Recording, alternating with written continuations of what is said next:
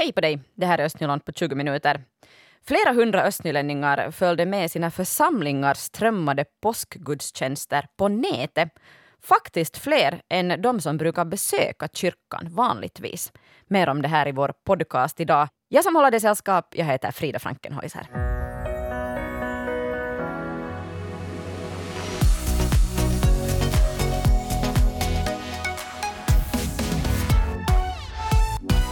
Vi talade igår om att trafiken över Gamla bron i Borgå ska begränsas ytterligare. Det är ju så att Gamla bron förenar Näsebacken med Gamla stan, men bron är gammal och den är i dåligt skick och någonting måste göras med den.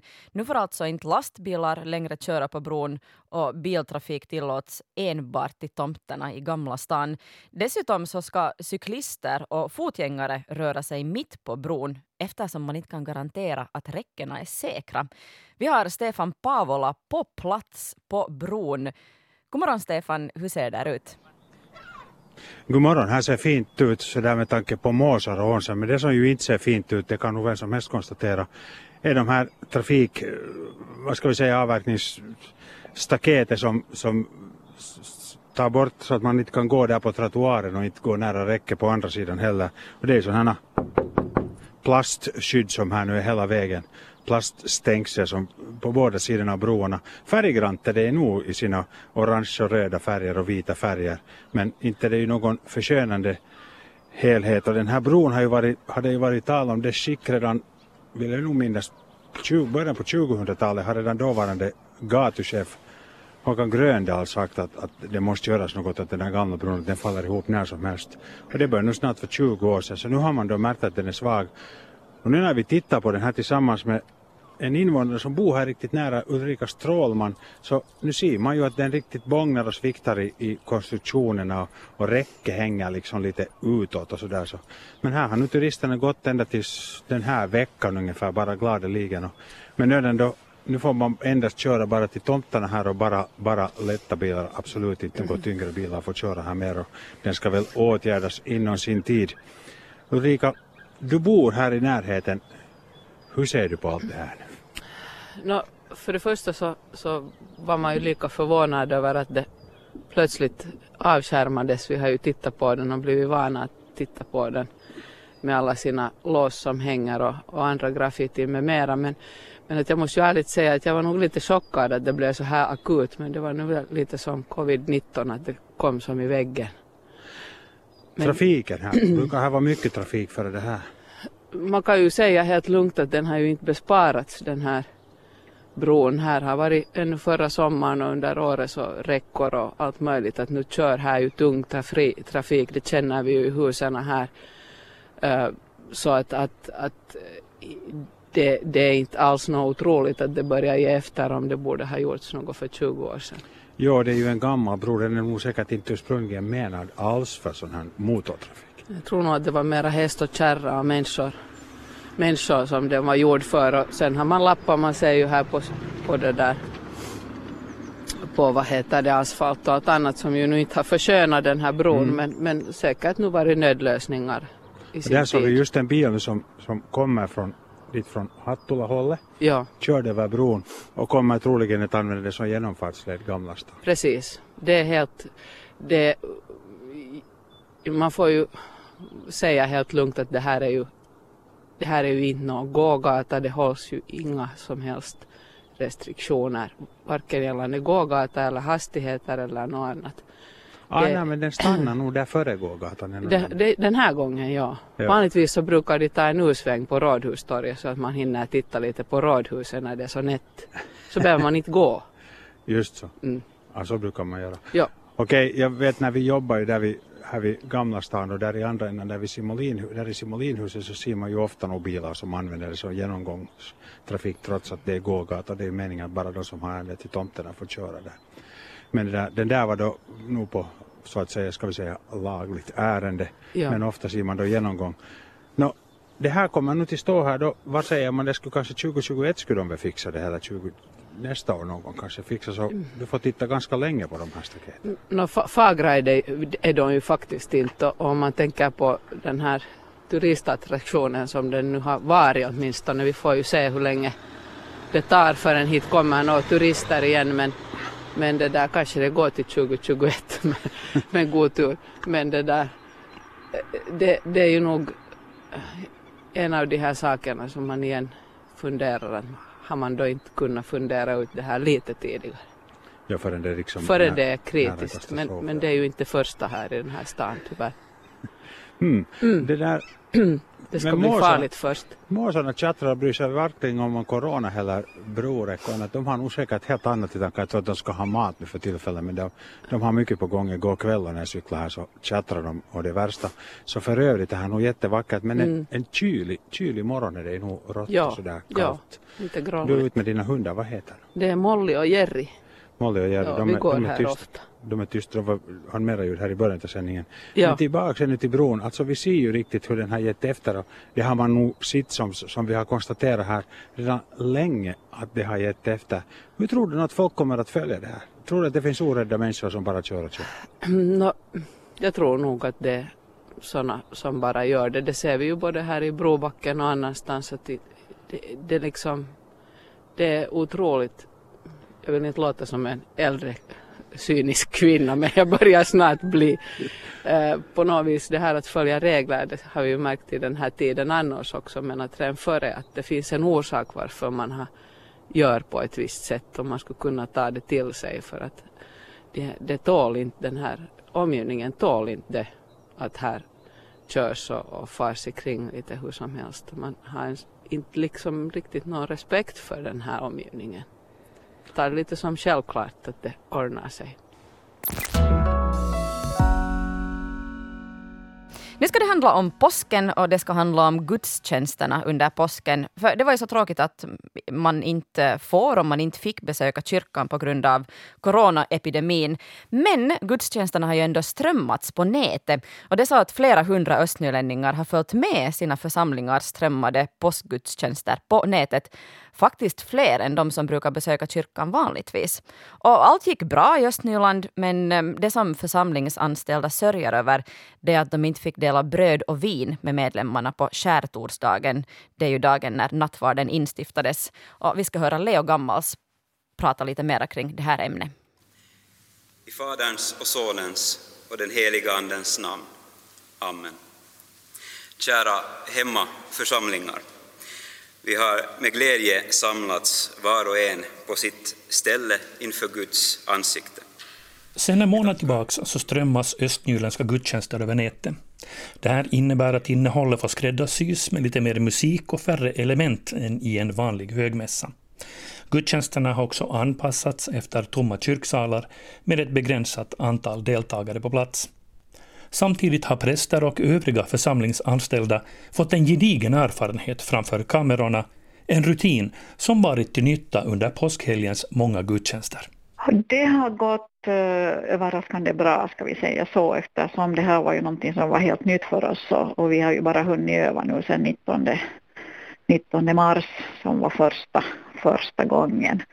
Eh, men det har, nog, det har gått bra och det där eh, vi har också haft Eh, väldigt många som har, har lyssnat och sett på, på de här gudstjänsterna. Om vi ser till exempel på söndagens streamade gudstjänst på, alltså på påsksöndagen så, så har det ju varit över 800 som har tittat på den.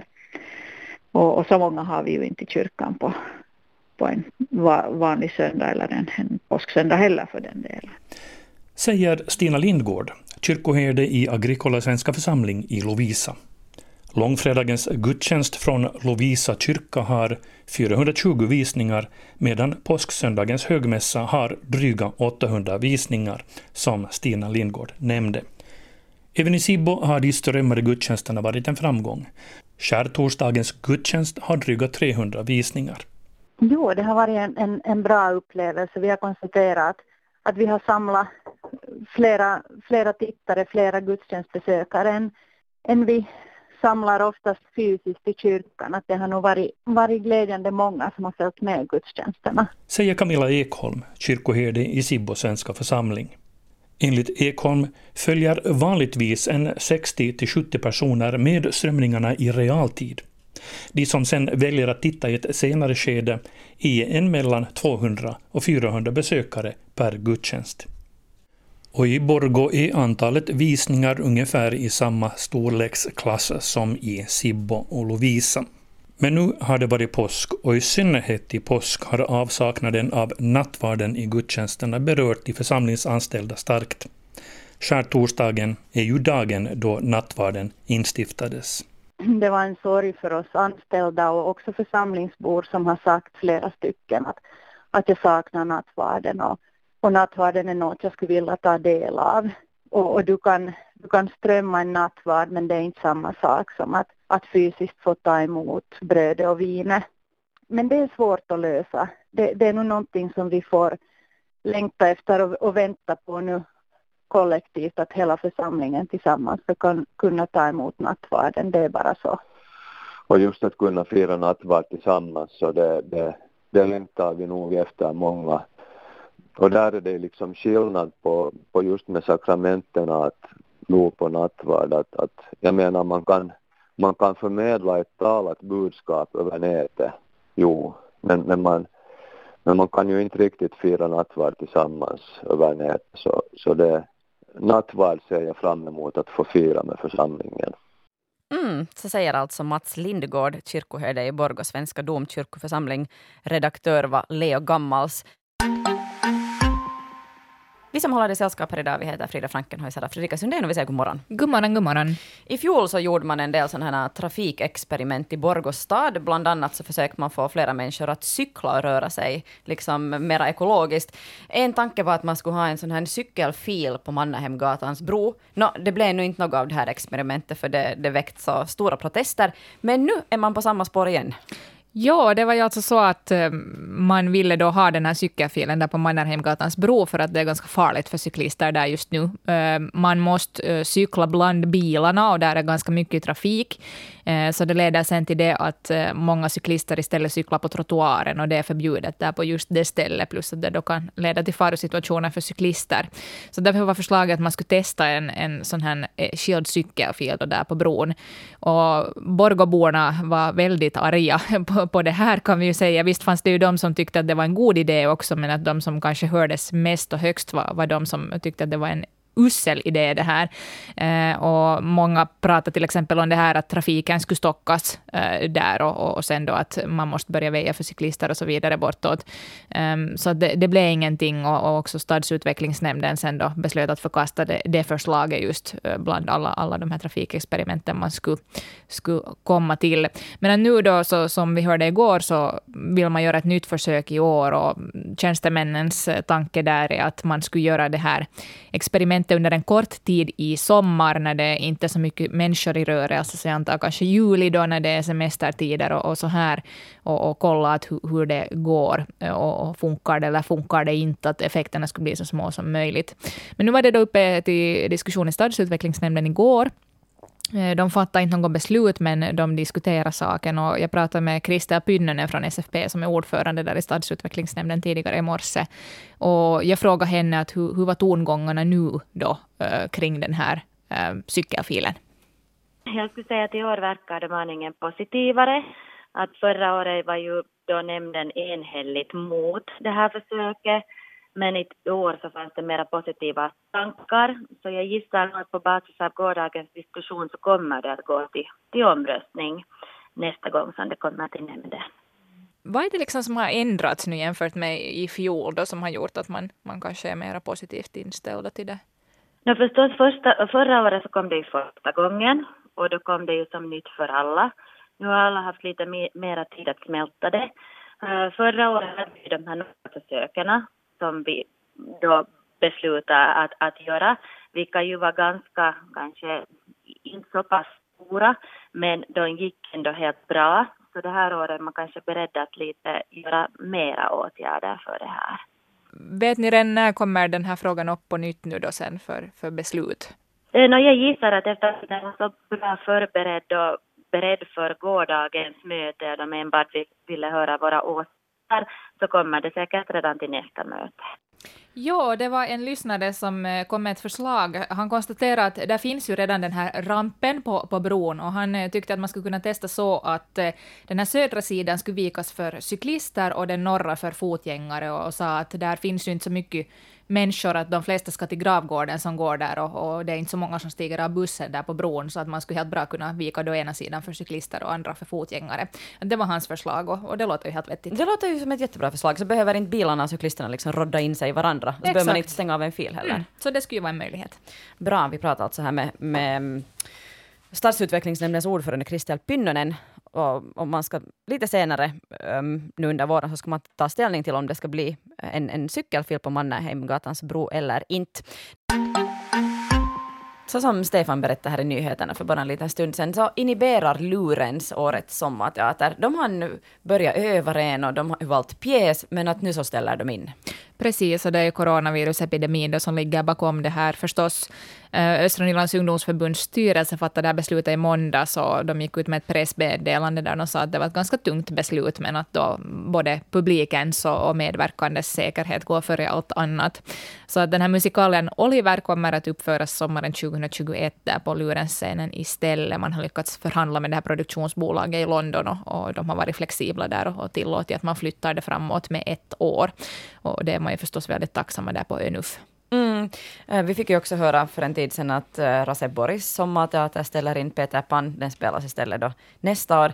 Däremot um, så ställer ju Postbacken inte in ännu förra veckan så hade vi, hade vi en intervju med några av dem som är med som berättade att de övar för fullt på distans och, och de tänker ha premiär den 14 juni helt som vanligt. Uh, ja, åtminstone enligt det som man vet nu. Mm, uh, det. det. det. de gör är ju att de avvaktar och säger att får de börja träffas igen i slutet av maj, för att då tyckte Kim Gustafsson som en av skådespelarna i, i Postbackens sommarpjäs att uh, det går ganska snabbt att få ihop allting om de får börja träffas där i slutet av maj, för att nu har de övat texten så att de kan alla repliker och så där, att det är liksom finslipningen som återstår sen.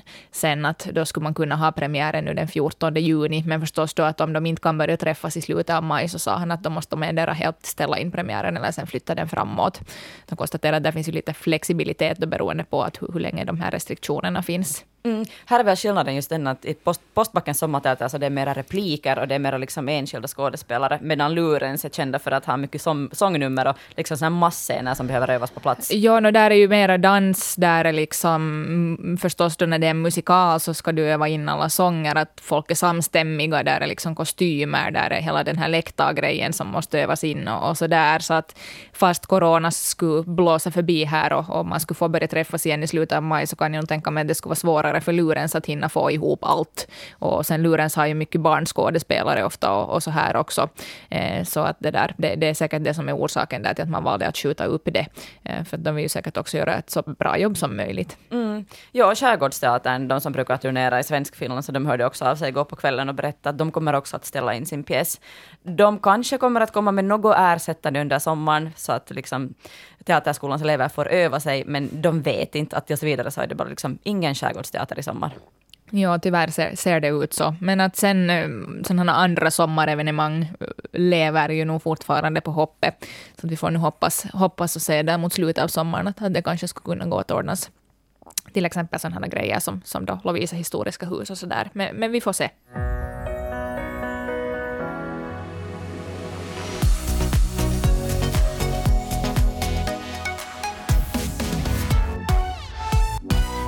Jag som håller dig sällskap, jag heter Frida Frankenhäuser. Och flera nyheter från Östnyland hittar du förstås på vår webbplats svenska.yle.fi östnyland.